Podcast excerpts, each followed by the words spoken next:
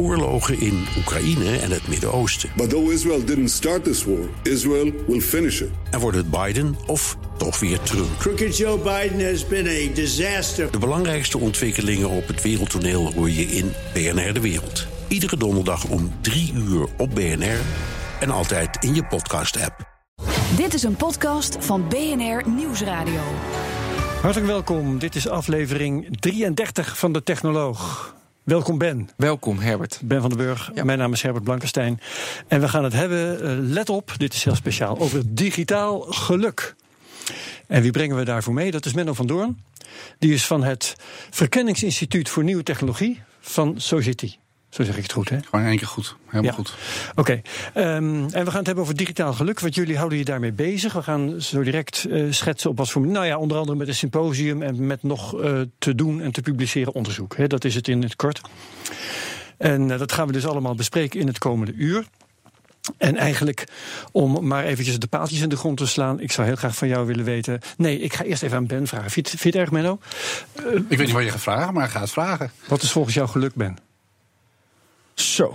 Ja. Nou, ik vind geluk een verschrikkelijk overrated. Mensen willen allemaal geluk, geluk. En ik heb ook Harari gelezen, daar gaan we het over hebben. De Homo Deus. We gaan dus vandaag hebben over iets wat Ben volkomen overrated vindt. Nee, want ik vind namelijk overrated dat mensen streven... Nou, ik, weet, Harari, ik heb het gelezen. Dus, maar weet je, het, mij gaat het erom dat je een... een, een Weet je, het is wat je toevoegt en wat je, dat je s morgens opstaat van, dat je in balans bent. Maar van, ik, geluk associeer ik heel vaak met hedonisme. En dat hedonistisch geluk van, dan kan je namelijk ook een shot cocaïne nemen. Nee, nee dat snuif je. Of weet je, je kan dan, dat vind ik te oppervlakkig. Mij gaat het om die diepere betekenis van je bestaan. Dat is geluk. En als je kijkt naar digitaal geluk, zit er dus heel erg in van dat je weer een prikkel krijgt. Een prikkel van, wow, dat is gaaf, was gaaf. En dat zit dus heel erg in dat, in, in, in dat verslavingsgedrag. En daar gaan we denk ik ook over hebben. En ik wil juist, kan digitaal, kan je daar in, in een diepere laag van het mens zijn. En wat is een mens zijn en waarom ben je als mens hier? Kan je daarin meer betekenis geven? Het gaat heel erg om betekenis, gelukkig. Heel lang verhaal, maar ik kan hier natuurlijk ook uren over over uitweiden. Maar dat gaat Menno ga hier proberen achter te komen wat een digitaal geluk is. Dus ja, vaag antwoord, want ik, ik weet natuurlijk ook niet. Herbert, voor jou? Maar wat, wat, wat geluk voor mij is? Ja? Uh, nou, in elk, in elk geval uh, niet zo, niet zo um, breed, vaag. breed en, en, en uh, kleurrijk als jij het nu schetst. Ja, ja geluk is voor mij dat je, dat je tevreden en blij bent. En uh, dat ligt voor mij in hele eenvoudige, en dat zullen we straks ook wel tegen elkaar, tegenover elkaar gaan zetten, denk ik, ja. in hele eenvoudige niet-digitale dingen als heb je een fijne relatie, heb je een fijn huis, heb je een fijn werk, heb je leuke kinderen enzovoort. Ja. Dus uh, ik ben vooral, als we straks met Menno gaan praten, benieuwd naar wat het digitale volgens jou dan, volgens jouw onderzoek, uh, daaraan kan bijdragen. Maar in dit stadium toch maar eerst even aan jou de vraag, Menno. Wat Definities. is volgens jou geluk sowieso? Ja. Nou, in ieder geval, wat ik zeggen, lekker begin, Ben, met jouw brede definitie. Want daar voel ik me wel mee uh, senang, zo gezegd. Want het is inderdaad heel veel. Het, is een, het hedonistische geluk en de pleziermomentjes. En als je dat digitaal vertaalt, kan je het al hebben door een stom kattenfilmpje te kijken of zo. Weet je wel, even een sprankeling in de dag en het is weer helemaal, ja. helemaal top. Ja. Maar de, laten we zeggen, de consensus die er nu inmiddels wel is onder, onder de psycholoog, is dat geluk ook die andere diepere lagen heeft. Zoals bijvoorbeeld in een flow komen. En dat je lekker gewoon je werk kan doen. Dat je beter kan worden in wat je doet. En, en wat technologie daartoe kan bijdragen. Of dingen als betekenis geven aan je leven. Dus het is, voor mij is het een, is een enorm groot, rijk vat met, met mogelijkheden. Die als je en daar denk ik dat we het over moeten gaan hebben specifiek. Die, als je nu naar, naar technologie gaat kijken, heel veel nog niet aangeraakt is of niet bewust gepakt. En we komen echt uit een tijd dat technologie, uh, digitaal, dat ging over de productiviteitstyrannie, weet je wel. Dus het moest allemaal efficiënt en effectief. Maar dan ga je totaal voorbij aan wat, wat technologie vandaag de dag is. En dat is namelijk heel dicht op die mens staan. Uh, dicht op de huid, ons beter leren kennen, emoties kunnen meer kunnen begrijpen, meer toevoegen. Een technologie is lifestyle geworden. En ik denk dat we daar, daar zou ik het graag ook over hebben. Dus het tijdperk waar we nu in zitten, wat we hebben laten liggen met de, met de technologie in het verleden en wat er nu mogelijk is. Ja. En dan is er natuurlijk ook toch. mm, We mogen denk ik ook niet voorbij gaan aan het simpele. eh, in ieder geval moeten we het even benoemen. Is er überhaupt een voordeel te behalen aan, aan meer geluk? Moeten we het wel willen nastreven? Bijvoorbeeld als je een ondernemer bent en je doet iets digitaal. Heeft het dan zin om iets als geluk bijvoorbeeld in je missie te hebben of zo? Weet je, dat soort dingen. Of is het gewoon maar een beetje een luchtbel? En dan Ja. kan je gewoon lekker door blijven gaan op de oude voet. Ja, ja, maar wat ook heel interessant is, eh, laten we eh, die twijfelde meteen ook maar in mikken. Ehm, we hebben nu alle drie iets gezegd over wat volgens ons geluk is. Eh, geluk is heel duidelijk subjectief. Dus als je wil weten of mensen gelukkig zijn, dan zul je iets te moeten vragen.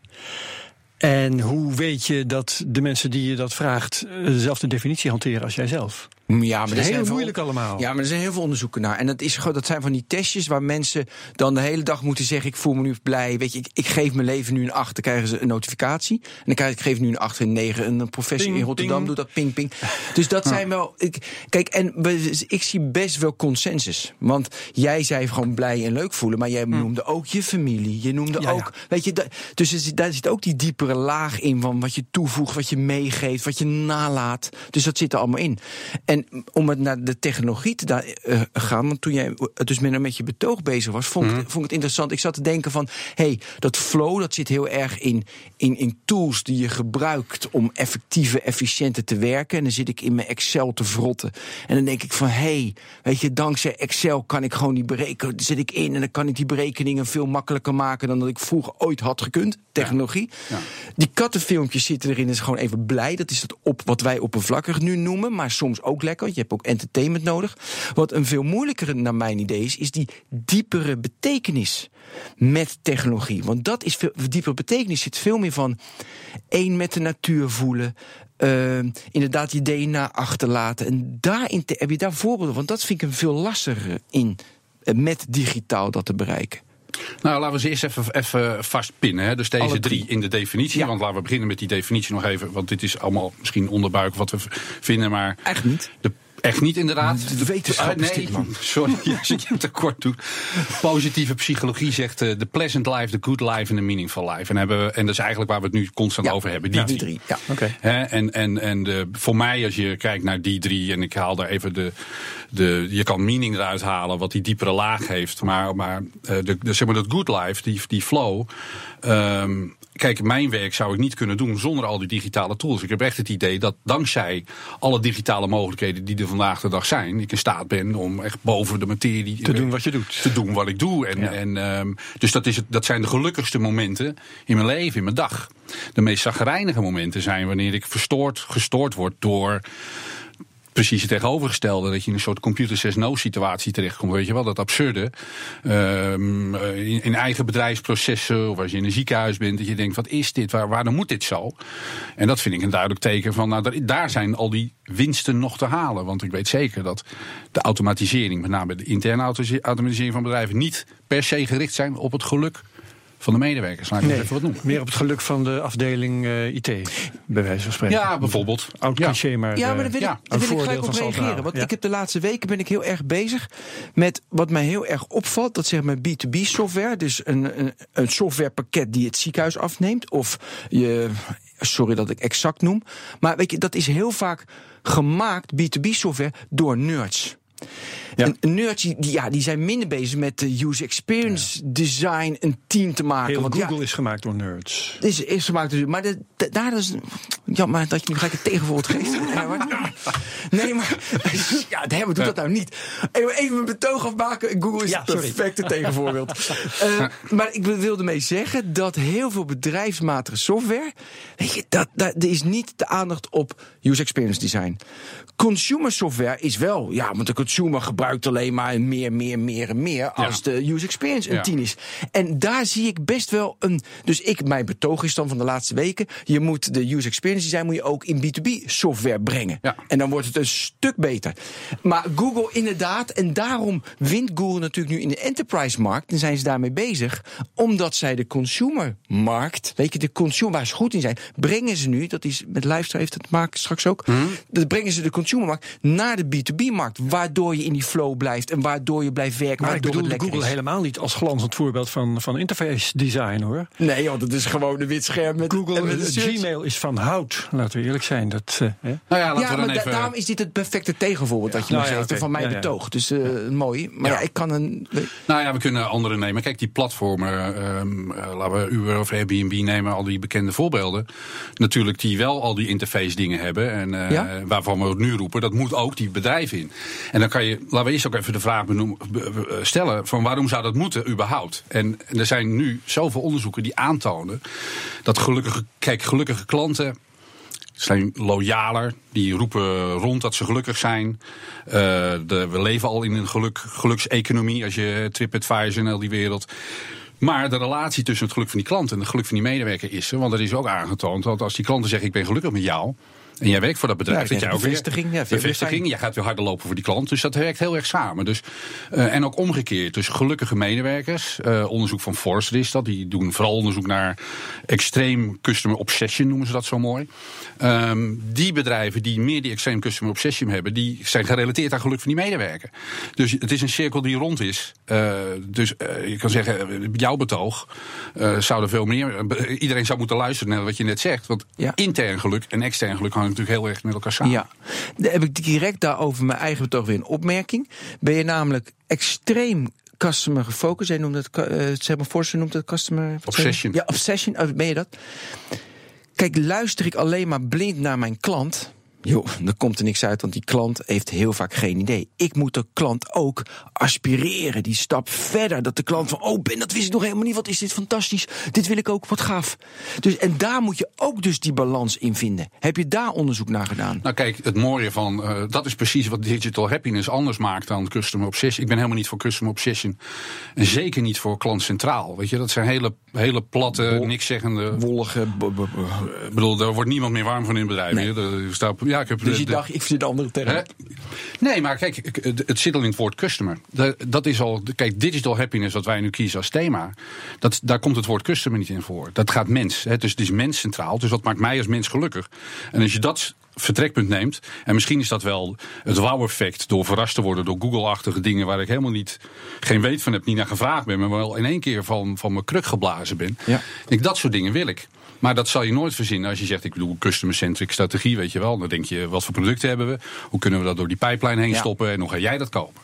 Nou, daar moeten we vanaf. En daarom eh, is, het, is het juist goed om digital happiness als, ja, ik zou zeggen, als missiestatement te nemen. Om je strategie op te bouwen vanuit dat individu, de mens centraal. Maar mag ik eh, nog even proberen me af te vragen waar we het eigenlijk over hebben? Eh, want, nee, serieus. Ja, nee, nee. Want- ik vind het een hele goede vraag, want ik zit ook te bedenken van. Ja, digitaal geluk. Hè? Dan denk ik, eh, dat, wat ik eigenlijk dacht is, we gaan het hebben over menselijk geluk en wat digitale dingen daaraan kunnen bijdragen. Mhm. Als ik jullie hoor praten, jullie twee, dan gaat het eigenlijk meer om eh, dingen in het digi- digitale gereedschappen, digitale een, een onderdeel volgens mij. en hoe goed die werken. Dat is een onderdeel. Nou, nou, nee, kijk niet hoe goed die werken. Kijk, eh, als je, niet, eh, als je niet eerst verzint dat jouw missie van je bedrijf digitaal geluk zou moeten zijn voor jouw klant, Ja. dan kom je nooit op het idee om die tools die je wil maken en inzetten daarvoor. Eh, digitaal geluk als designprincipe hebben. De, die stap zal je Ja. nooit maken. En dan wordt het een soort, eh, weet je wel, eh, we doen al dingen en nou laten we een beetje geluk bijgooien en dan everybody happy. Maar dat Nee, gaat maar- niet werken. Nee, maar wat, wat ik bedoel is, kijk, als we het hebben over menselijk geluk. ik noemde net relatie en, en banen. zo. Als je ruzie hebt, want, want en, en jullie hebben dingen genoemd als een kattenfilmpje en, en eh goed dat het blij interface. stuk. Ja. Ja. Dat is een stuk. Als je een klote relatie hebt en of een lul van een baas en of duurzame ruzie met je collega's, dan is zo'n kattenfilmpje kan heel even de pijn verzachten. Maar dat is dan toch niet wat je gelukkig maakt, wat compenseert voor al die dingen die je ongelukkig maken. Snap je? Dus Nee, dat zou heel sterk zijn. Kijk, maar het, het, het is- het- natuurlijk, er is heel veel ongeluk. of een fijne niet- manier om, om iets te kopen via een webshop, weet je wel? Dus, eh, Ja, ja, nou misschien ga je dat doen dan als je ongelukkig bent. Ja, vast wel, Zijn vast Nee, maar? Herbert, dat zijn toch die lagen? De Ja. onderste laag Ja. is toch de betekenis. De, waarom ben je Ja. op aarde? Dat is de onderste laag. De, vla- de, En de laag erboven is die flow waar wij het nu heet het over hebben. En die ja. boven, daar, daarboven is gewoon oppervlakkig een eh, shot eh, coca- een, een snuif cocaïne, KHHH. Dat is een kattenfilmpje. Ja. En, en dat zijn die lagen. En wat mij opvalt is, waar ik het echt over wil hebben, die bovenste laag, dat blij, die flow hebben we nu heel erg over gehad. Joh, de- Ja, ik, we moeten dat over, blij moeten nog meer. misschien het belangrijkste. Het belangrijkste. Voor ons nu maar vandaag. die onderlaag in digitaal, en dat noem ik nu even van de betekenis van je mens zijn, die vind ik met digitaal. Dat heb ik meer als ik iedere dag een uur in eh, in het, in het bos loop en ik voel me één met de natuur. Heb ik dat meer? En leg ik Ja, expres precies. alles uit. En jij houthakken, jij, hou- jij houdt van houthakken. Ja. Weet je, dan voelen, nee, maar Herbert en ik zitten daar te zeggen, dan voelen wij meer de diepe betekenis dan als ik met digitale middelen bezig ben. Is veel voor mij in een oppervlakkige laag. En ik wil heel graag dat digitaal me ook helpt bij mijn diepere betekenis van mijn mens zijn. Nou, kijk, eh, laten we het even als een trend zien. Hè. Het is nu 2017. We staan nu hier. Ja. De technologie van vandaag. Waar hebben we het over? We hebben het over blockchain. We hebben het over, over de doorbraak van AI. We hebben het over de opkomst van platforms. hele andere manieren. AR, big data, noem maar op. Nee, laten we die dingen even weg. Laten we het alleen maar over deze drie hebben. En wat hebben Ja. die? eh, Die hebben heel veel dingen met elkaar gemeen. Namelijk dat we dingen gewoon nu structureel anders kunnen gaan doen ook. Hè. Dus technologie is maakbaar, het is schaalbaar, het is betaalbaar. En we kunnen eigenlijk alles. En nu stellen we ons de vraag, wat gaan we er nu mee doen? Dat is misschien een wat filosofische wending. Eh, gaan we naar Harari toe. En dat is wel wat er aan de hand is. Want stel dat je zou eh, zeggen... technologie heeft zelf ook iets te vertellen hier aan tafel. Wat is de tendens? Wat is de richting die het opgaat? Dan is het richting de mens. Dan is het alles wat, wat, wat, wat, wat je hart raakt, wat je emoties raakt. Dat zijn al die dingen die in die componenten zitten. Eh, de AI die jou beter gaat leren kennen dan jezelf of dan je partner en dat soort dingen. Dus als je het in een groter geheel ziet... en dat is waar de andere filosofen het over hebben... dan is het de aankondiging van een he- humanistische revolutie... waarbij de rol van de technologie dusdanig is... dat die ons erin mee gaat slepen. Dat die dingen gaat doen waar we beter van worden. En wat is dat beter? Nou, dan komen we weer terug op dat geluk. Dus ik zou het iets, liever even iets groter maken...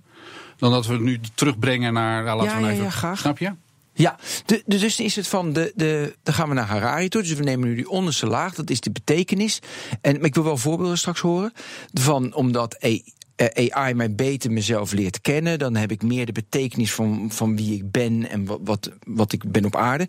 Dat ga ik meer snappen, waardoor ik gelukkig ben. Want dat is één aspect van geluk. Ja. ja. Maar dat zie ik in de praktijk. En ik weet, ik moet denken over de komende honderd jaar. Vind ik de technologie, de digitale wereld, daar best nog wel beperkt in. Nou, dan druk ik me nog voorzichtig uit. Best wel, ja, een beetje 0.1 versie. Nog veel te doen. Ja, ja, nee. Of zie jij voorbeeld? Ja, precies. Geef even. ik Ja, denk, nee, oh ja, nou ja, ik, ik wil eigenlijk een, een beetje een spannend voorbeeld ingooien. Maar daar kunnen we de, de rest van de tijd van mee vullen misschien. Maar misschien niet de bedoeling. Ehm, kijk, een van de dingen, een van de, eh, de problemen die digitaal kan oplossen, is namelijk al die keuzes die je, waar je dagelijks mee zit wegnemen en je leven makkelijker maken. Beter bekend is de paradox of choice. Nou, wat, wat kan die technologie daar nou voor oplossen? Voor, om, om jouw leven leuker te maken. En eh, dat is namelijk om, om jou beter te kennen en om jou die dingen aan te bieden, Ben, die jij graag zou willen hebben. Die passen bij jouw lifestyle. Dus profiling in die zin, waar, waar, waar je mm, van allerlei bedenkingen over kan, eh, kan hebben, heeft een ontzettend positieve en nuttige bijdrage aan het geluk van mensen. Daar is ook onderzoek naar gedaan. Dus de mensen die wel geprofiled werden en niet, die dingen voorgeschoteld werden die hun lifestyle bevestigden, de keuze makkelijk maakten, of mensen die constant bezig waren van wat moet ik nu? Ehm, nou, en, en, en dan kunnen we het, denk ik, de status van technologie vandaag de dag, als, als het één ding duidelijk wordt, is Ja. dat we die kant op gaan. Maar dit vind ik een topvoorbeeld. Want ik heb namelijk mijn Facebook timeline zo ingesteld dat ik echt gewoon de berichten krijg. Die ik denk van heerlijk en al die katten dingen. Weet je, weg, dat wil ik niet meer zien. Perfect. En nu, dat ben ik zeg maar anderhalf jaar mee, eh, ja, dus geleden mee begonnen. En ik heb nu dus heel vaak, ook de laatste maanden, niet van het nu, heb ik van, ja, dat is die filterbubbel. Dat komt natuurlijk door die hype met Ja. die filterbubbel. Denk van, ja, ik, ik wil ver, ik, dus het algoritme is dus niet goed genoeg dat ze mij verrassen. Wat ik net zei, aspiratie, ben, heb je dat gezien? Dus ik. Ja, dus dat niet goed genoeg, want het verrast me niet. Het, ik, ik, wil- ik- dan wil ik juist iets heel raars zien. Weet je, dan ga ik gewoon iets doen wat ik normaal nooit zou doen, denk ik dan. En wat is dat? Eh, dan ga ik, nou ja, ik ga vaak naar musea. Maar eh, weet je, maar dat ik dan. Ik, ik loop mijn rondje altijd linksom. Nou, dan ga ik mijn rondje expres rechtsom. Ik poets dan mijn tanden. Ik ben rechts zoveel mogelijk met links. Om, om mezelf te prikkelen. Nou, ik geef even hele stomme voorbeelden. Maar ik bedoel ermee te zeggen. dat, nou, dan is het algoritme niet goed genoeg. En ik zie ook wel een trend dat dat steeds beter wordt. Maar ja, ik zit er ook mee. Ik vind het ook moeilijk. Nou, eh, doet heel veel, dit lost in ieder geval een heel klein stukje van Ja, die grote tuurlijk. puzzel op. Laten we, het, laten we het zo zien. En voor de rest eh, kan je er natuurlijk weer alle kanten mee op. Maar ik vind dit wel een- heel mooi voorbeeld. Waarvan ik denk, ja, eh, er wordt in de filterbubbel over het algemeen alleen maar gesproken. Van, oh wat jammer nou, weet je wel. Ik word die bubbel ingezogen. Maar ja, je, je bent nog steeds een individu. Je kan het toch uitbreken als je wil. Je gaat toch naar de musea. Ik bedoel, we zijn toch niet de slaaf ervan. Het is alleen maar een kleine instelling in Facebook. Nou, dan pak je toch wat Ja. anders. Ik bedoel, al die dingetjes zijn op te lossen. Met je, met je als jij zegt eh, eh, mensen die geprofiled worden, die blijken daar toch gelukkiger van te worden dan wanneer dat niet gebeurt. Wordt in daar hun, dan, in hun keu oh ja, precies. ja, wordt er dan ook in verdisconteerd eh, dat er toch ook wel nadelen zijn van eh, profiling die je niet onmiddellijk merkt? Maar die er wel zijn en die in een later stadium, dus de privacy aspecten, plotseling misschien een stuk ongelukkiger kunnen maken. Ja, maar goed, die zijn al lang bekend. Ik bedoel, dat zal hier. Die zijn dat- bekend, Ja. maar als je mensen vraagt naar hun geluk, dan hè, dat is ook eh, de reden dat ze voor die profiling misschien kiezen, eh, dan eh, blijken zich dat soort dingen juist niet te realiseren. Ja, weet ik niet. Weet ik niet. Ik denk dat er veel meer gesproken wordt. En dat er veel meer bewustzijn is over die privacy dingen. Dat als je de krant openslaat of televisie kijkt, dat het daarover gaat. Terwijl we voorbij gaan, dan, er is iets diep in ons die dat graag wil. Wij willen ook het leven gemakkelijker gemaakt worden. En we willen ons bevestigd zien in de persoonlijkheid die, die we zijn. En dat is ook een kant van profiling. Die, eh, en, en dan denk ik, ja, nou ja, daar ligt, daar ligt een kans. Maar het hoeft niet alleen over profiling te gaan. We halen dit nu heel, heel, ja, dat deed je heel expres. goed maar uit. Daarom, mijn volgende Omdat je vraag zo'n is... voorbeeld wilde. Nou, maybe, eh, ik heb twee vragen. Je moet er maar één stellen. Maar, vragen, maar ik stel er er twee. Je moet, ik wil even nog een voorbeeld hebben straks. Maar ook, wat draagt die profiling bij aan die diepere betekenis van mijn zijn? Want ik snap profilen, daardoor wordt mijn flow beter. Weet je, ik word blij. Dus die twee in die lagen, want we hadden, namelijk drie lagen. Dat snap ik, want mijn flow wordt effectiever. Dus beter, lekker zit ik in die flow van mijn timeline, heerlijk. En daar word ik blij van, dat is ook heerlijk. Maar diepere betekenis van mijn mens zijn, met profilen niet. Dus heb je een voorbeeld waarbij we dat, want ik zou graag dat aspect. Want dat is namelijk de moeilijkste. Ik weet het ook niet, hè? En Misschien jij ook niet, is ook niet nou ja, maar- nou ja, nee, kijk, de gelukstrigger. Kijk, de- het feit dat mensen gelukkig worden, dat ze bevestigd worden in de persoon die ze zijn. Hè? Dus, dus noem het die diepere laag. Nou, dan zijn we, denk ik, dieper hoeven we niet af te zakken dan dat, denk ik. Dus de bevestiging. Ik weet niet, ik ben net, eh, zo bijvoorbeeld, ik ben naar Venetië geweest. Ja. Ik ben naar de Biennale, ik heb heel veel moderne kunst gezien. Ik ben helemaal, ik kom helemaal wauws, kom ik, eh, kom ik thuis. En het beste wat ik, ik bedoel, ik vind dat, dat is onderdeel van mezelf. En ik wil erin bevestigd worden. Van is goed bezig, weet je wel. Die gaat naar musea, Biennale, die houdt je moderne kunst. Dus de manier hoe je de gekheid van de wereld een beetje te lijf kan gaan. Door je te laten verrassen op die manier. En heel mooi dat ik dan weer via Facebook allerlei berichten krijg van mensen. Je bent er geweest, misschien vind je dit leuk en vind je dat leuk. Ja. Daar word ik nog, hè, dus een soort na-effect. Ik was natuurlijk veel gelukkiger door daar rond te lopen. Maar het eilt nog wel een beetje na door mij te eraan herinneren dat ik zo'n persoon ben die dat gaaf vindt. En, en toch weer daarmee geconfronteerd wordt. Ja. Dus ik zie dat, eh, in, in die verbanden zie ik die dingen digitaal in het echte leven wel eh, staan. Ja, dat is ook de filterbubbel natuurlijk, wat je nu vertelt. Dat is ook, dus dat, dat zit, dan blijf je in die bubbel. Maar het is mooi, ik vind het een prachtig voorbeeld, want het is kunst, dus dan is het goed. Dat is goed. Ja, het, het leven is zo makkelijk. Ik had ook nog een voorbeeld, vind ik Ja. leuk om, om je voor te leggen. Want ehm, je, je hebt. Bij, eh, als, je, als je over geluk begint, dan heb je toch voortdurend het probleem van, eh, van meten en vergelijken.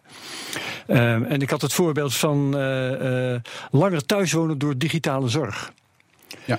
Kun je zeggen, nou, dat eh, kan aardig aan je geluk bijdragen. Aan de andere kant, eh, digitale zorg in plaats van menselijke zorg kan daar juist weer aan afdoen. Begrijp je wel? Dus je krijgt een, een, eh, een, eh, iets aan de minkant door het wegvallen van de mens in de zorg. Iets aan de pluskant door het eh, langer kunnen thuiswonen. Ja. Hoe moet je daar in godsnaam mee omgaan? Nou, ehm, het is in ieder geval het is een paradox Ja. waar we het nu over hebben. En, en, en volgens mij, en misschien moeten we heel even stilstaan bij wat nou digitaal geluk anders is dan gewoon geluk of techno- andere technologieën. Want, want digitaal Mhm. is vaak heel erg. Het is sowieso heel moeilijk te bevatten. Ja. Maar laten we eventjes de volgende stelling nemen: dat digitaal een, een bepaalde kenmerk heeft die andere technologieën niet hebben. Eh, namelijk de mogelijkheid om dingen die aan elkaar vastzitten te ontkoppelen en dingen die gekoppeld zijn te ontkoppelen. Eh, Harari verwijst naar, maar dan heeft hij het over één vorm, namelijk je bewustzijn en je intelligentie ontkoppelen. Hè. Dus daar heb je de robots die de zorg ingaan zonder bewustzijn, maar ze zijn wel slim, denken we dan, of die kunnen dingen doen. En we hebben de mens die beperkt is, maar in ieder geval een bewustzijn heeft, weet je wel. Ja. Nou, dat, maar dat vermogen ligt heel erg besloten in digitaal. Dus tijd en plaats bijvoorbeeld is er één. Virtualiteit en realiteit is er één. We kunnen al die dingen, die zijn heel specifiek alleen maar voor digitale technologie. Dus eh, een filosofische stroming die zegt het is een derde orde technologie. En omdat het onvergelijkbaar is met die andere twee, zullen we constant, als we het over dit soort dingen hebben, tegen die paradoxen aan blijven lopen. Omdat het nieuw is, omdat we het niet gewend zijn. Dus al die vragen die nu opkomen, ethische vragen, van moeten we dan dit doen of moeten we dan dat doen, dat wordt veroorzaakt door dat kleine capaciteit, noem maar eventjes, van digitaal, namelijk het ontkoppelen en het ontkoppelen van werkelijkheden. Die we nog nooit in de geschiedenis hebben meegemaakt. Dat was, weet ik veel, twintig jaar geleden, weet ik, ga, maar, ga maar een stuk terug in de, in de geschiedenis. Is uniek. Doe, geef eens voorbeeld van koppelen, ontkoppelen van, eh, van werkelijkheden. Wat, wat bedoel je daar Nou precies ja, mee? eh, virtual reality. Bijvoorbeeld, eh, je staat hier, maar je, wordt, je zit in een andere realiteit eventjes op dat moment terwijl je hier staat. En dan ben je ontkoppeld van de realiteit. En augmented reality is terwijl je toch hier staat en je kijkt, maar je ziet er nog een andere laag overheen. Eh, dan koppel je de virtualiteit en de realiteit met elkaar. Hè, dus het zijn allerlei. Ja, blockchain wil je die ook noemen? Of zeg maar, zeg maar cryptocurrency, virtueel geld, bedoel je dat? Of? Nou, ik denk dat cryptocurrency meer het ontkoppelen is van landen met monetaire eenheden. Weet je, dat, dat, dat fenomeen. Daar zijn we totaal van in de war. Eh, hoe zit dat? En AI natuurlijk, dat vind ik toch eh, vind ik een van de, van de spannende. eh, natuurlijk ook gegrepen door Harari weer. Maar bewustzijn ontkoppelen van intelligentie. En wat Ja, dat en gaat de brengen. mens. Intelligentie ontkoppelen van de mens. Is ontkoppelen van het bewustzijn. Interessante. Ja, Ja. bewustzijn. Waardoor we, denk ik, denk ik, eh, een tijd, juist dat dat de reden is waarom we een veel menselijker eh, tijdperk ingaan. Omdat al die dingen ons terugwerpen op onszelf op de vraag van wie zijn we nou eigenlijk in dat digitaal. Als die robot. Als wij naar die robots gaan kijken alsof het mensen zijn, maar dan zonder bewustzijn, dan is het enige wat je overhoudt is ons bewustzijn. Eh, en en daar worden we. Ja, ik bedoel, dan gaan we beter begrijpen wat ons gelukkig maakt, denk ik. We gaan die dingen inzetten, we gaan betere artsen worden, we gaan betere chauffeurs worden, we gaan, we gaan overal gaan we in verbeteren. Juist door het ontkoppelen van dat bewustzijn en, de- en de intelligentie. En, eh, Eh, mag ik dat even ter discussie stellen? Want ja, dat wilde ik ook ehm, wel doen. Ik werk me nu in een nest, hoor. Nee, nee, nee. Weet ik nee. niet. Weet ik niet. We, we, we proberen Spannend. gewoon erachter te komen wat Ja. er gaande is. Ja. Want als, eh, als eh, auto's zelfrijdend worden bijvoorbeeld, hè, als we daar robots voor inzetten, dan worden we misschien, eh, dat was tenminste wat ik dacht, helemaal geen betere chauffeurs, maar slechtere, want we gaan het steeds minder doen. Ehm, ja, ja, ja, de auto's gaan beter rijden misschien. Zo zou je het, zo zou je het kunnen zien. Ja, oh nee, dat wel. Dat wel, ja. Kijk, er zit wel een interessante in. Maar ik bedoel, iets wat mij Nee, al je maar dat je steeds, eh, vraag je af, hebben we het wel over hetzelfde? Maar dat, eh, Nou, kijk, we hebben het over hetzelfde. En ik denk dat hier de vraag is. Ik zou hier de vraag willen stellen: willen we wel zelfrijdende auto's hebben? En, eh, of willen we ze wel zelf rijden? Maar dat zijn legitieme vragen, allebei. Ja, maar de meeste mensen aan wie ik het vraag, als ik wel eens voor een groep sta, zeggen we, nou, wie zou dat willen? Dan zijn er maar een paar en de rest zegt, nou, laat mij alsjeblieft mijn geluk houden, want ik hou van het rijden, rijden Ja, die personen auto. snappen er helemaal niks van. Ik ook niet. Maar goed, ik, ik heb ook geen zijn er auto. dus- wel, dat is een feitje. Ja, die zijn er. er wel, ja. ja. Ja, maar die, die weten natuurlijk helemaal niet wat er, wat er aan de hand is. Luisteren Bedoel, naar als de jij- BNR als- Autoshow Nee, maar als je een zelfrijdende auto hebt, dan wil je nooit meer wat anders. Nooit meer wat anders. Dat denk ik ook. Want dat is heerlijk.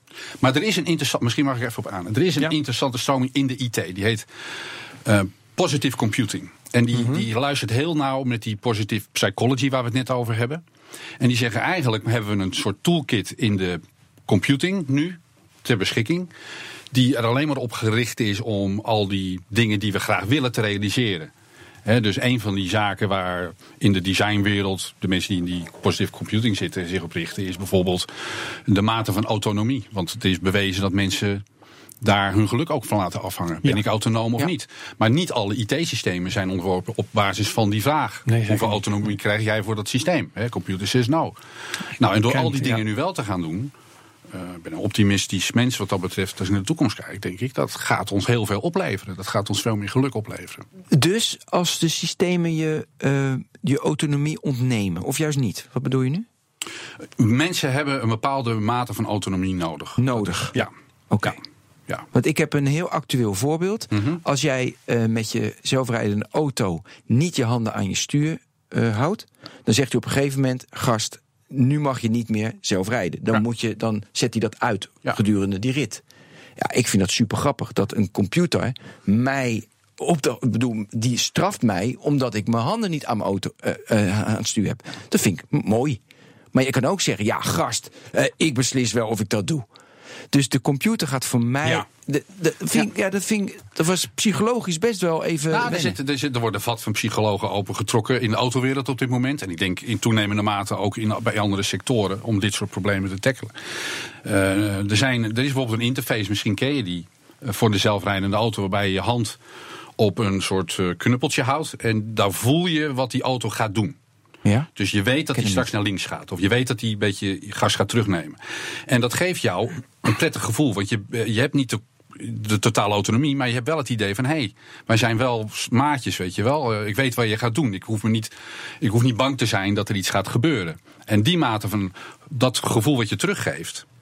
daarmee zal mogelijk leiden tot grotere acceptatie van die zelfrijdende auto's. Ja, maar ik denk dat dat een tussenfase is. Want uiteindelijk denken mensen: joh, ik, ga, ik, eh, eh, ik stap in en hij doet het lekker zelf. Ik vind het prima, ik geef alle controle weg. Ja, want het voorbeeld dat jij net geeft. Alle controle hè, geef ik Dat weg. de auto jou dwingt om zelf te gaan sturen. Dat is vooral omdat die auto nog niet goed genoeg is. Dat Precies. hij dat doet. Nou ja, of hij, omdat- of hij ja, hij is weet bang. hoe wat een slechte eh, rijder je bent. Dan kan het Nee, ook. nee, nee, nee, nee, nee, nee. Dat gaat erom, dat is gewoon juridisch, dat ik Ja. mijn handen aan mijn stuur Ja. moet houden. Ja, om- en, en dan straft hij af. Maar, dus, maar dus, eh, aan mij vragen ze bijvoorbeeld: Ben, hoe lang durf je nu al je ogen eh, zeg maar, dicht te houden in je auto? Nou ja, en dat, inderdaad, dat neemt toe. Dat is, dat is nu al gewoon een uur. Nee, nee, nee, nee, nee, nee. nee. Maar, nee, maar, dus, nee, maar dat neemt toe. Dus dat is best wel. Weet je, die autonomie geef je door technologie, want daar hebben we het over, geef je weg. En dat brengt mij, dat geeft mij geluk. Daar hebben we hem weer, want het moest naar geluk toe. Ja. Dus dat ik juist minder autonomie in bepaalde dingen heb. Want dat is maar intelligentie. Joh, dat outsource ik. Maar mijn bewustzijn wie ik ben als mens. Ja, dat is, daar heb ik nog, ben ik nog niet achter. Wanneer je dat kan weggeven, wanneer, wanneer je dat helpt. Dat, dat weet ik Nou niet. ja, dat, dat is, dat is eh, onbeschrijfelijk belangrijk natuurlijk. Want eh, eh, kijk, de kunstmatige intelligentie toont natuurlijk aan hoe ongelooflijk beperkt een mens is. In al zijn beslissingen die we nemen. Niet alleen Ja. of je links of rechts af gaat op de snelweg, maar ook eh, wat voor koers het bedrijf moet varen. Moet je iemand ontslaan, ja of nee? Weet je, al die dingen. Eh, en, en, er zijn stapels onderzoeken die aantonen dat we ons maar een beetje er doorheen klungelen door al die besluiten heen. Nou, eh, wat is de zegen van die ontkoppeling? Is dat we nu intelligentie krijgen van die, van die, laten we ze even robots noemen, die die beperkingen niet hebben. Hè, die, die wel al die dingen kunnen onthouden die je eigenlijk zou moeten wil- willen onthouden als je iemand ontslaat van wat heeft hij nou eigenlijk gedaan of eh, hoe zit dat ook alweer, weet je wel. Die vergeet geen, eh, geen dingetjes. Hè, die, wij hebben maar een ontzettend beperkte hersencapaciteit natuurlijk wat dat betreft. Eh, dus ik denk dat, ja, nou ja, daar kunnen we helemaal leeg op lopen hoor, wat, wat mij betreft. Voor, als je, ik bedoel, kunstmatige intelligentie die beschouwen we misschien wel als spooky, want het komt op ons af, weet je wel. En dan gaan ze, gaan ze. Wat is mijn betekenis dan nog in het, in het leven, weet je wel? Maar ja, als jouw betekenis in het leven is dat jij je al blunderend eh, eh, in je managementcarrière hebt geslagen door de meest stomzinnige dingen te doen, dan denk ik, nou, een klein beetje compensatie bijvoorbeeld zou dan toch ook geen kwaad kunnen, toch? Ja. Ja, maar het, voor mij blijft iets zitten op het vlak van flow en efficiëntie. Ja. Weet je, ook zeg maar AI. Want intelligentie is nog steeds voor mij efficiëntie. Dus bewustzijn, dat is die tweede. Kunnen computers ook, Harari, eh, die, dus die koppelt het los. Bewustzijn dat, dat computers bewustzijn krijgen, dat is alleen maar science fiction, hè? Ja, wat mij betreft. eh, Nou, ik vind de definitie van, eh, weet je, van bewustzijn af snap ik ook wel, maar dat is science fiction. Ja, Nee, weet je, daar, nou, je- daar ga je een kant op van. van zelfs die, de, de grootste fan van deze gedachteganger, of een van de grootste, Nick Bostrom. oh, Nicky, eh, Super intelligence. Maar ja, die zegt gewoon: het gaat gebeuren, maar het kan ook nog wel 500 jaar duren, zegt Ja, hij dan erbij. Weet je, ik denk, nou ja, over 500 jaar. Weet ik veel, er zijn misschien eh, Ja, de buitenaardse wezens hier wel op deze planeet Maar het is een onoplosbare vraag toch? Want je kunt niet eh, eh, wetenschappelijk vaststellen of iets of iemand bewustzijn, be- bewustzijn heeft. Ik weet dat van jullie ook niet. Eh, alleen jullie ge- gedragen je op een. Nee. Jullie gedragen je op een manier dat dat toch wel de meest plausibele veronderstelling is. Ja. En zo krijg je dat met computers of robots vroeg of laat ook. Dat het toch de makkelijkste manier is om erover te praten. Dan zegt die robot wil dit en die robot denkt dat. Nou ja, kijk, als je, als je teruggaat naar de definitie van kunstmatige intelligentie en de, teruggaat naar de dag dat voor het eerst het woord gevallen is en het, de term gemunt hè, Ja. op die conferentie eh, eh, meer dan 60 jaar geleden. Toen werd er ook gezegd, het is datgene dat als je het mensen zou zien doen, dat we intelligent zouden noemen. Ja. ja. Hè, dus Het daar zitten allerlei beetje- suggestische dingen in. Dus, dus wij worden natuurlijk ge- getricked zeg maar, door, die, door die robots. Omdat je vermoedt dat er een bewustzijn is. Die er natuurlijk helemaal niet is. Maar dan dwalen we misschien wel te filosofisch af. Ja. Dan denk je, maakt Ja. het uiteindelijk uit. Hè? Dus, maar, Waar ik het vroeg of laat over wil hebben, kondig ik vast aan, Ben. Ja, want jij had ook al adem voor vraag. Jullie hebben in juni een symposium gehouden. En ik wil straks graag weten wat voor jou de belangrijkste dingen waren die daaruit kwamen. Dus dat is wel even Ja, een voorzetje. Kan nu? Oké. Eh, jullie hadden een symposium in juni over digitaal geluk. geluk. En er waren een stuk of eh, minstens vier sprekers. Ik heb er een paar genoteerd. Ehm, maar wat, wat vond jij daar de belangrijkste bijdrage of de belangrijkste boodschap die je daar zelf van hebt meegenomen? Ehm, nou, misschien, ik zou er twee uit willen halen. Eén Eén die kwam bij Ed Sander vandaan, China-deskundige. En die praten eigenlijk alleen maar over wat er nu in China aan de hand is met WeChat. Ja. Ehm ehm, plakt een beetje tegen mijn eigen ervaring aan. Ik heb een studiereis gemaakt, ehm, iets meer dan een half jaar geleden. En ik heb mogen ervaren in de, ah, op reis met twee studenten wat WeChat betekent in het leven van een paar Chinezen. En dan kan ik je vertellen, het betekent alles. Ja, het is een, eh, een variant op WhatsApp, maar dan met veel meer erin. Hè. Eh, Het is een instrument om dingen te kopen en, en van dat soort zaken. voor hun is het alles. Je kan je Ja. taxi mee bestellen, je kan je lunch Eigenlijk meer mee een browser. Hè. Het is eh, alle, alle dingen, mogelijkheden van een browser, maar dan zit het in een chatprogramma. Het is een social media platform, zeg maar. Ja, Die nu ja, in ja, business is gekomen. Zo kan je het ook zien. En alles doet. Maar ook de communicatie met de universiteit en dat soort dingen. Een Zwitsers mes. Ja, nou ja, eh, ja, een Zwitsers mes die gewoon zo handig is dat je wel begrijpt waar al die onderdeeltjes voor zijn. Weet je wel? Dus, eh, maar super gelukkig, hè? Dus misschien NS2, dat waren die twee studenten. We hadden net zelf dat onderzoek afgerond naar dit onderwerp over chatbots en messengerplatforms. Maar ehm, wat een happiness daar. En daar- in China met Ja. dat platform. Ik denk, nou, we zijn hier nog lang niet zover, dat gaat nog komen. Eh, er valt nog veel meer geluk eh, te behalen. Er zit natuurlijk een beetje een hoekig eh, dingetje in, omdat we het over China hebben. En we ook weten hoe de Chinese overheid met, Ja, met, met gegevens omgaat. maar er valt mij opeens een gedachte in. Hè. Dat is, mag ik je dat even voorleggen? Want we hebben het ook, hè, wat, wat is nou geluk? Ik, eh, als iemand mij zegt, WeChat maakt Chine Chinezen gelukkig, dan Ja, denk heb ik toch. erg, erg moeite om me dat te ook. Precies. Want? Maar nou, draai het nou eens om. Oh. Hè? Oh. Ehm, ik kan, wat ik me wel kan voorstellen namelijk, is dat als je nu een Chinees zijn WeChat afpakt, Dan is hij dat hij ongelukkig. doodongelukkig wordt. Ja, precies. dan Ja, snap pak ik het jouw wifi, wel. eh, of zeg maar jouw internet of je, of je telefoon af. Je ook- Sterker nog, volgens mij was het KPN die nu met een simkaart is gekomen. Die ervoor Ja. zorgt dat Chinezen hier komen. het, dat ze gewoon nog lekker op WeChat door kunnen gaan, weet je wel. Dus Ja. point taken. Ja. Ehm, en een, een ander krankzinnig, maar dat kwam van Ed Sander vandaan. eh, voorbeeld is dat die scores die de overheid jou geeft, die Sesame scores, hè, want ze houden alles bij, dus ook jouw digitale Een soort burgerschap eh, Ja. scoren. Ja, je burgerschapscore. Ben je oké of niet? Die Ja. wordt bijvoorbeeld op hun Tinder-platform gebruikt. Om, eh, hè, dan is jouw score een manier om eh, een goede partner te vinden. Want een hoge score betekent. Nou, ja, ik bedoel, kom, ik bedoel, als je daarover nadenkt. eh, dat is die, die hele cultuur natuurlijk. eh, een groot vat van onbegrepen dingen voor ons. Maar dat ze dat doen, dan denk ik ja. eh, je moet het wel helemaal in context eh, zien. Hè, dat dat, eh, dat Ja, maar ik vind, ik ga toch, weet je, als je het afneemt, inderdaad, dan worden ze ongelukkig. Ja. Maar ik vind het, we, nou, ik wil niet, jullie mogen dat doen. Ik wil niet propageren dat, eh, dat WeChat mensen gelukkiger maakt. En straks, weet je, Facebook Messenger wil dezelfde kant op. Of dat lukt is natuurlijk een tweede, is een hele andere discussie. Maar dat wil ik, ik wil niet propageren dat technologie en tool waar alles in één is. En dat ik mijn, eh, dat ik mijn Zwitserse zakmes, ik doe er alles mee. Het internet, dat mij dat gelukkiger maakt. Nee, ja, dat vind ik echt. Dat, dat kan niet ja, waarom kan dat niet? Omdat namelijk veel te. ehm, dan ga je aan die definitie, want dan gaan we inderdaad naar definities. Ja. Dan heb je die flow, dan heb, die flow en die blijheid heb je. En dan worden we namelijk, ik zal het precies vertellen. Dan word je namelijk eh, dat boek, eh, dat, die gele kaft, oh, ik ben wat slecht. Er is een, een, een boek van eh, een, een Nicolas Edgar, die, die jongen die dat boek heeft geschreven hoe je mensen verslaafd maakt. Nicolas Carr. Die, ja, Ja. Nicolas. Nee. Ja. Was het Nou, Nicolas- Oké, nou is een boek. En nu heel erg populair in de digitale wereld. Hoe je mensen. eh, hoe je mensen Oh, dat nutje bedoel je, dat soort ja, dingen dat niet. nutje. Eh, nou, boek gelezen, ik ben alles kwijt. Maar dat zetten we in de show notes. Kijk, en dat vind ik. En ik heb heel veel moeite met dat verslaafd maken van mensen. Dat, want ja, ik, ik geloof nog in de autonomie waar we het over hadden. Ja. Ik vind het link.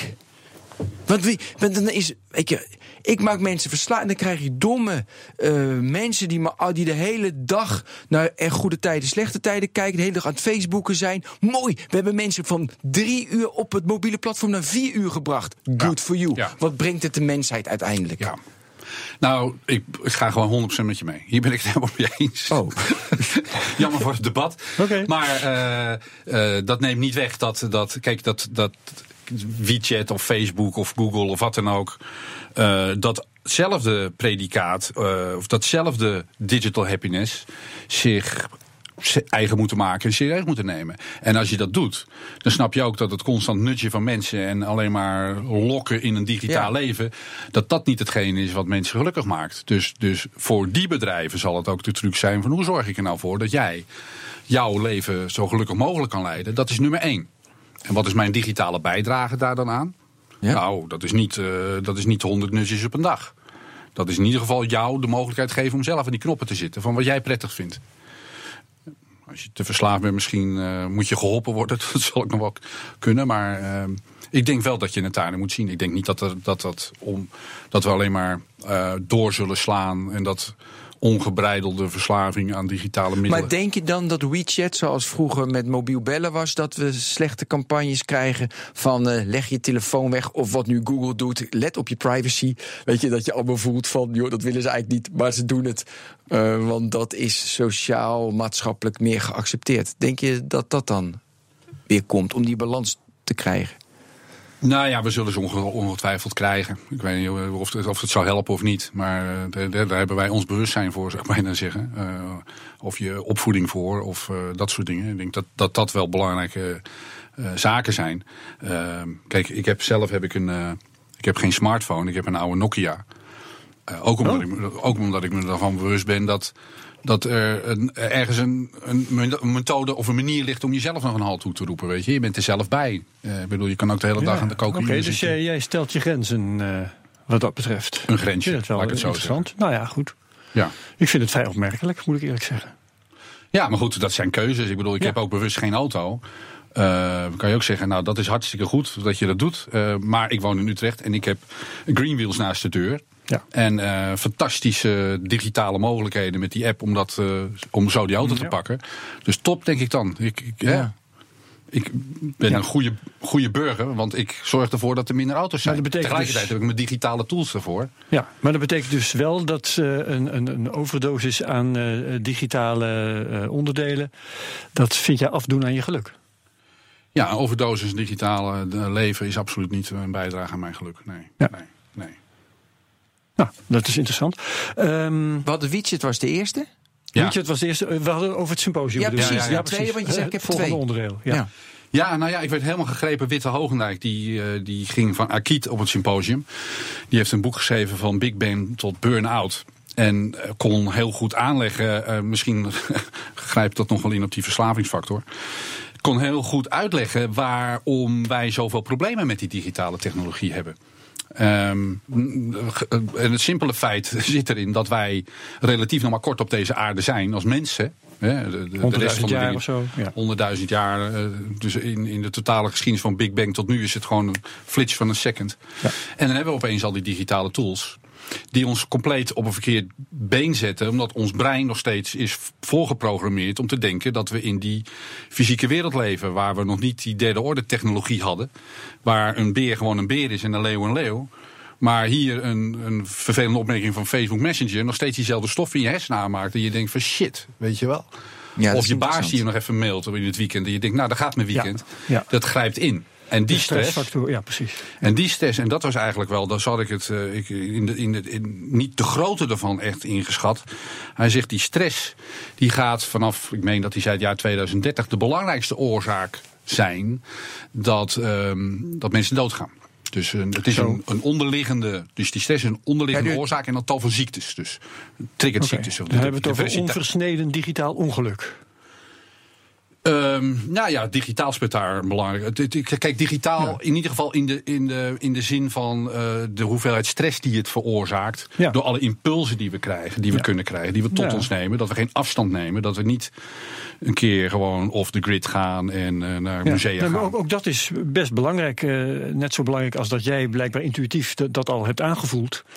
Dat, we zijn eigenlijk, dat haal ik eruit, we zijn eigenlijk niet geschikt om alles wat er op die, via die digitale kanalen op ons afkomt, om dat te verwerken. Ja, Nee, de evolutie gaat niet snel Even. genoeg van de mens. ja. Weet je, kijk, over 500 jaar of 100 jaar lachen we erom. En dat, eh, kijk, ook onze evolutie gaat niet exponentieel.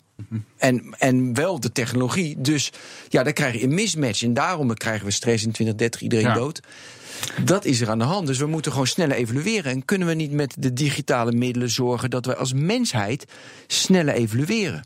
Ja daar, dat, daar hadden we ook een van de, een van de sprekers ging daarover. Dus die, Dacht ik wel. Ja, dus die zegt, nou, we gaan in de versnelling. We gaan niet, je moet niet op de rem trappen. Maar we moeten de evolutie een handje gaan helpen. En dat is waarom wij Hebben we hier over zijn. genetic editing? Of, iets- of iets dergelijks? Alles, je alles eigenlijk. Eh, eh, alle tools die er maar beschikbaar zijn, moeten we nu aangrijpen om, om vooruit te gaan. En dat is, dat is waarom wij nu... Maar weten we hoe dat moet dan? Weten we wat de gereedschappen zijn en hoe we die moeten gebruiken om dat te bereiken? Nou, vooral experiment, experimenten doen. Dus we moeten het... Kijk, Ja, dit, dit eerst zo eerst even die... uitzoeken hoe het moet. Ja, kijk, die bodyhackers die hebben het gewoon gehad met de snelheid waar... We zeggen, die Bodyhacking, oké. Ja, ja, die zeggen gewoon, de spullen die zijn er, bijvoorbeeld. We gaan het gewoon doen. En, eh, Je stopt magneten in je Ja, maar vingertoppen. van alles. en, nou, daar eh, begint het oh, mee. Dat is on- onderdeel van die, Ja, ja, van die ja, ja. hele beweging die zegt... wij gaan, onze, wij gaan gewoon de mensheid 2.0, 3.0, 4.0 gaan weer bouwen. En wel nu. We gaan niet zitten wachten op toestemming van de FDA of weet ik wat.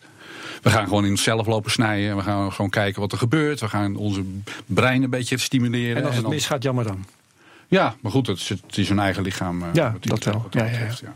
Ja. Maar er zit nog voorfase, hè, want dit is, nog maar, dit, is, dit is natuurlijk Ja, wat is de voor, eh, wat nou is ja, de voorvaart? voorfase is natuurlijk ge- genetische manipulatie. En, en eh, dat is overigens ook waar eh, Witte Hogendijk mee afsloot. Eh, ja, die zegt, joh, over 100 jaar, waar praten we over? Hè, eh, Ja. Synthetische DNA, tuurlijk. Eh, nu hebben we 3D-print, is een ontwerp aan de andere kant van de wereld, printen we hier. Dan is het gewoon de, het DNA van een andere persoon aan de andere kant van de wereld, die gewoon hier synthetisch wordt geprint. En daar gaan we, gaan we dan kinderen van maken, weet je wel. Om maar eventjes een, een, eh, een voorbeeld te noemen waar die mee afsloot. Dus Ja. dat is natuurlijk wel een hele andere. Ik, ik moet eerlijk zeggen, ik, was er, ik had er nooit zelf zo over gedacht. Ik dacht ook altijd van ja, willen we dat wel? En nu, maar als die dingen zo bij elkaar komen en je luistert het en het wordt er helemaal inge. Ik ging er toch wel een belangrijk deel in mee. Dacht, nou, misschien is het wel zo. Moeten we dat maar eens doen? Nou, het is, want je leeft maar 80, 85 jaar. En het is natuurlijk heel leuk als je toch op aarde bent. En we leven in deze tijd. Is het leuk om gewoon blind mee te gaan. Ja, en als die hele evolutie de fout loopt, ja, dat loopt toch wel of niet. Dat is leuk. Aan Ja. de andere kant, in mij, dat is groot, denk ik, ik gevoel erin mee. Maar in het klein, gewoon dagelijks geluk, want daar hadden we het over. Dan heb je juist van nee, balans. Weet je, ook, Ja. ook offline, wat je ook doet.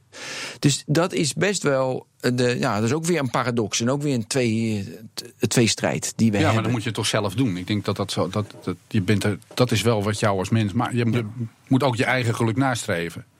En Dan- dat evenwicht, dat, evenwicht. dat ligt voor iedereen op een ander punt. ook, ja. Neem ik aan. Ja, ja. Maar ik heb wel Nou- een smartphone, dus voor mij ligt het al op een ander punt dan voor jou bijvoorbeeld. Ja, maar goed, ik heb een, eh, ik heb een iPad. Ik bedoel, ik kan- Oeh, levensgevaarlijk. Maar, daarom, wat ik, ja. nee, maar dit is wel interessant, want nu, als we gaan even van.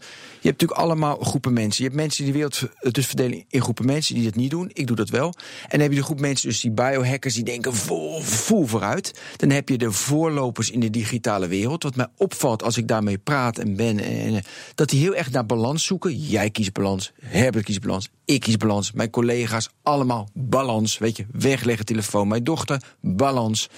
Maar je hebt natuurlijk nog een hele massa mensen, want de- anders, anders heb je geen 2 miljard mensen op Facebook. Eh, Facebook, maar vol. Weet je, die denken niet aan privacy.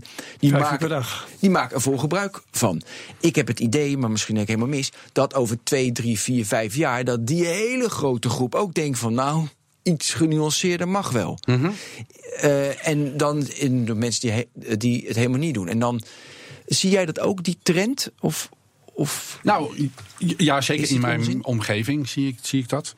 Maar ik zie in ieder geval, voordat we het beeld schetsen dat digital happiness betekent zoveel mogelijk digital om zo happy mogelijk te worden, dat is Nee, het nee. natuurlijk Nee, niet. nee, nee, dat hebben ze- is het dat niet. hebben we begrepen. En waarom ik, waarom ik enthousiast ben uh, daar over dat uh, denken over digital happiness. En is dat we hebben, we zijn er nooit zo mee bezig geweest. Uh, we hebben het over balans en hoe die gaat digitaal dat doen. Nou, we komen van een tijdperk, daar werd die vraag helemaal niet gesteld. Want uh, met name die, die bedrijven, die, die, die gingen maar door. En nu noemt iedereen dat uh, digital first of transformatie, weet je wel. Die stellen zich die vraag nog niet, denk ik, onvoldoende. Maar als het gaat komen, en daar ben ik van overtuigd. Ja, nou, we komt al, hè, want eh, Duitse bedrijven die stellen al grenzen aan het e-mailen naar werktijd en dat soort zaken. Dus die, eh, Ja, in Frankrijk ook. Maar wij zijn van oorsprong een Frans bedrijf. Maar als ik mijn Franse collega's spreek, dan merken ze daar nog helemaal niks van. Oh, Oké, bij jullie dus nog niet. Nee. Nee. Ja, ik- Eh, dat, dat symposium, hè, om, Ja. eh, dan gaan we daar, daarover ophouden. Ehm, had dat ook heldere conclusies waar iedereen het over eens was? Ja, dan moeten we daar die mensen vragen. Ik bedoel, ik zit er zelf naar te kijken. Ik denk, Ja. het, is niet, het is niet ons primaire doel om. Kijk, wat we, het meeste, wat we doen is, we zetten gewoon digital happiness in het midden. En we zeggen, we halen zoveel mogelijk standpunten. Zoveel mogelijk manieren om naar dat onderwerp te kijken. Oké. halen Zo, zo inventariserend was het nog. Nou ja, de inventariserend. eh, ja, absoluut. Maar dat, dat is alles wat digital is. Bedoel, moeten we dan een streep trekken en zeggen: van, nu weten we het, hoe het zit? Nee, nee, nee. AI, maar- nou we hebben het onderzocht, nu weten we. Weet je, dit, Nee, zijn, de, een- dit zijn de heldere conclusies die we vandaag de dag trekken. Mhm. Nou, over drie jaar komt er weer iets op de markt. We denken: uh, Zeer zeker. Wat is Ja. dit allemaal, weet je wel? Ja. Kijk, wij doen. We zijn 24 jaar lang bezig met het onderzoeken van het internet. En als ik één ding geleerd heb, is wel eh, te begrijpen dat iedere keer als je denkt: oké, nu, nu, nu weten we het, nu kunnen we die heldere conclusies trekken.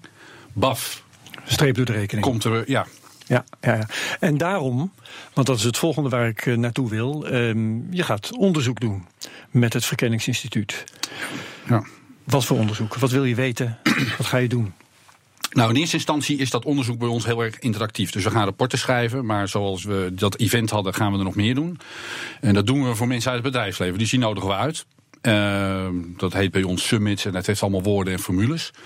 Waarbij we dus het, de discussie met elkaar willen aangaan van wat betekent het als, voor jouw bedrijf als je nou digital happiness in je mission statement zou hebben. Wat zou het anders zijn dan wat je nu aan het doen bent? En zowel intern voor je medewerkers als extern voor je klanten. Wat zou het je kunnen brengen en dat soort dingen.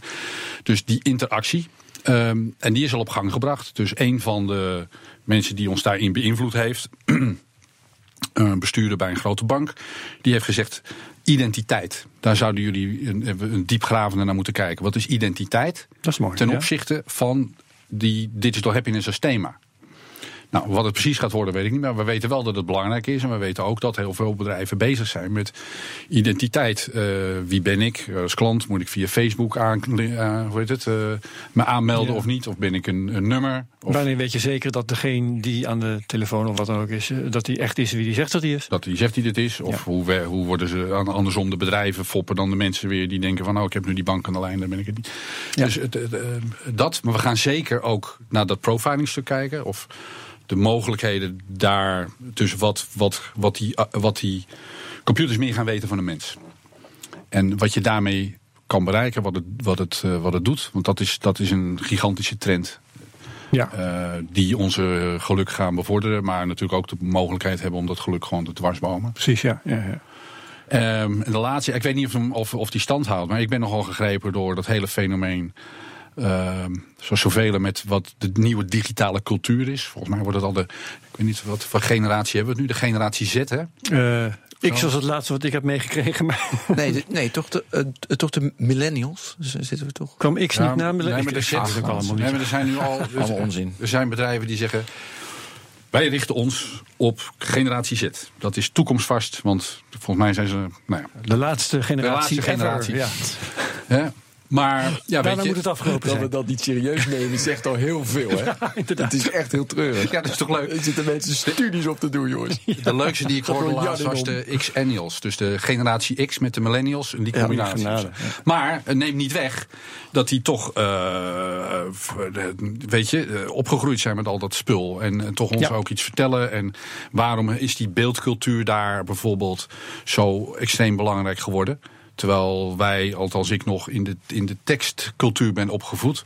En alles wat met vloggen te maken heeft, of de, de, de, de memes die over het internet gaan. Ja. Dat heeft ook uiteindelijk een enorme impact op de bedrijven waar we uiteindelijk die rapporten voor schrijven. Dus die cultuur, denk ik, eh, dat wordt er wel één, één rond, eh, rond wat die cultuur nou gelukkig maakt. En wat dat zou kunnen betekenen dan mogelijk voor jouw organisatie. Maar dan kijken we al wel een stukje de toekomst in. Ja, ja, ja. Op welke termijn denk je hm, resultaten te hebben?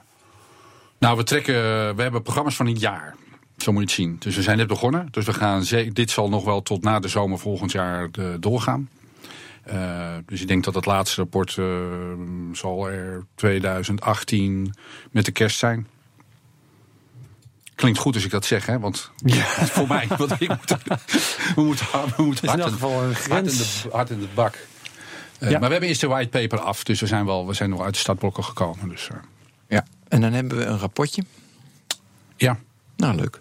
Nee, nee. Kijk, laten we zeggen, kijk, het leuke, het leuke van de, vind ik, van de manier hoe we het, hoe wij georganiseerd zijn, is dat we dat in die interactie doen. Dus ik zie, kijk, ik schrijf, wij schrijven lang genoeg rapporten om te weten dat die rapporten niet gelezen worden. Mooi. Ja, nee, maar, Maar ja. je doet in, inhoud, ja, dus, dus dat die klant blij is, dat hij denkt van hey, jullie weten ergens van en dan kunnen jullie een worden. rapport is maar een vorm. Het is, Ja. de, het is de dialoog die we willen aangaan. Met, met het bedrijfsleven over dit onderwerp. Dat is wat we, Ja. wat we beogen te doen. En dan is een rapport een hulpmiddel. Het is sowieso een hulpmiddel, omdat je het nodig hebt om je eigen gedachten een beetje op orde te brengen. Want als je dat, dat is het belangrijkste eigenlijk wat ik er zelf uithaal. Eh, want ja, zomaar in het wilde weg over een onderwerp meepraten, daar zijn we ook best wel goed in hoor. Maar eh, als je er dieper in gaat en, het, en zelf onderzoek doet, dan helpt dat ook weer de gesprekken aan te gaan en, en hopelijk tot betere conclusies te komen. Ja. Ja, ja, ja. Maar denk je dat het ook eh, invloed gaat hebben op eh, het bedrijfsleven, hoe er zaken gedaan gaat worden in de toekomst? Ja, absoluut. Maar dat staat misschien helemaal los van of we dat onderzoek wel of niet doen. Ik ben er 100% Ja. van Dat overtuigd. is een trend, hè?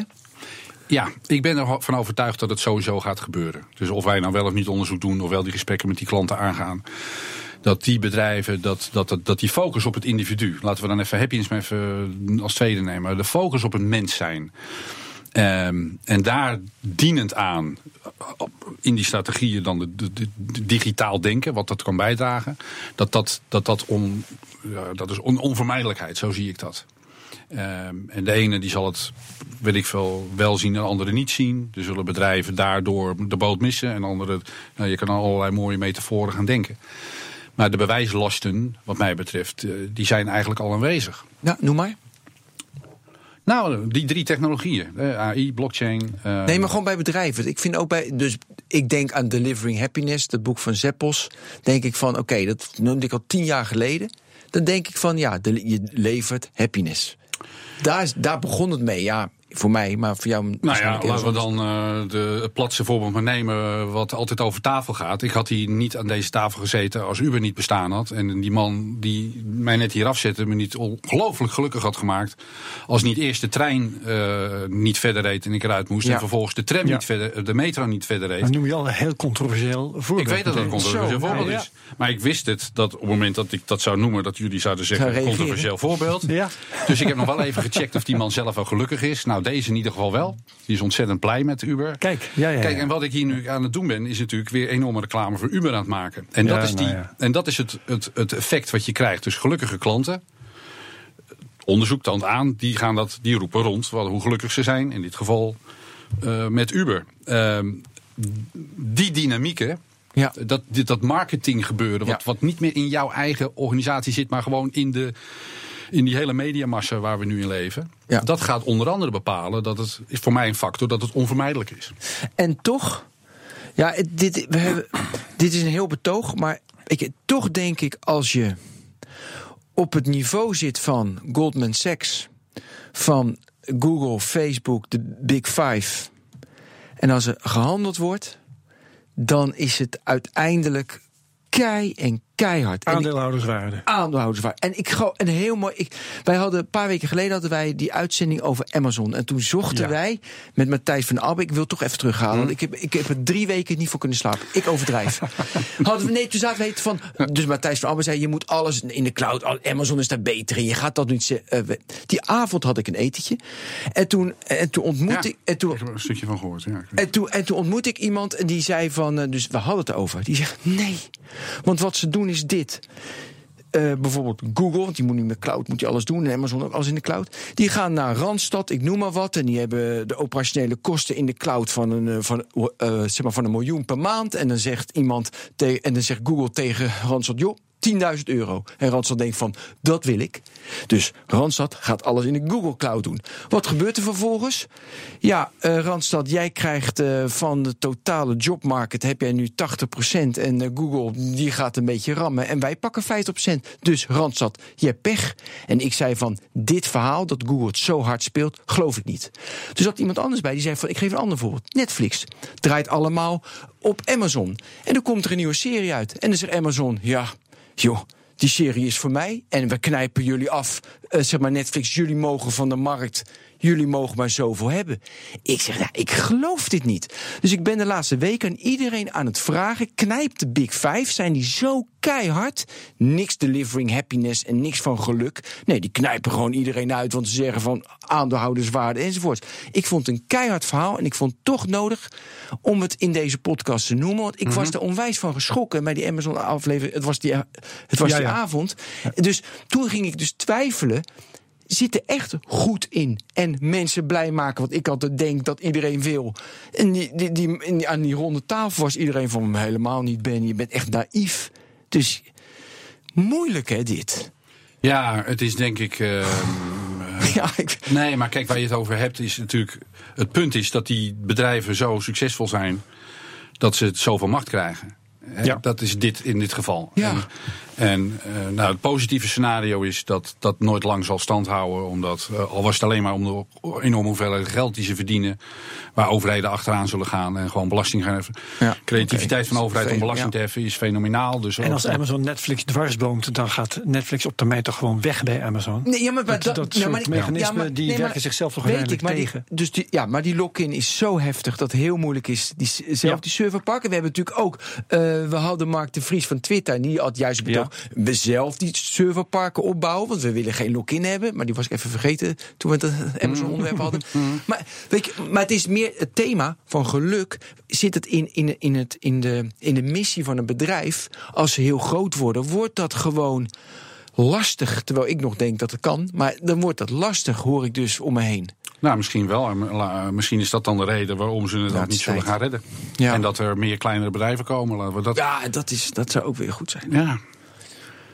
Maar mooi. drie weken niet slapen. Nee, ik overdrijf expres voor. Ik vond al dat je wat voor- ja, gerimpeld Ja, was. nee, ja, nee, maar ik, ik, vond, ik vond het wel. Ik, daar heb ik echt moeite mee gehad. Omdat we net die uitzending hadden gemaakt. En ik had Ja. geen argument. Ja, en, En, ja. en dit kom ik tegen, maar dit is een onderwerp wat we de komende jaren, want we hebben net gezegd, wel, ja. weer Maar- heel veel tegen gaan Ja. komen. Bedankt dat je er was, Menno. Om te beginnen even uitzoeken hoe we straks na deze opname Ben weer een beetje gelukkig krijgen. hè? Laten we dat doen. zal, Ja. zal wat eh, werk vergen. Menno van Doorn van Society, Verkenningsinstituut voor Nieuwe Technologie. Dankjewel, succes met je onderzoek naar digitaal geluk. Ik hoop dat je er zelf ook heel erg blij van wordt. Eh, ben, dankjewel Herbert, jij ook bedankt. voor de geïnspireerde inbreng. En tot de volgende technoloog.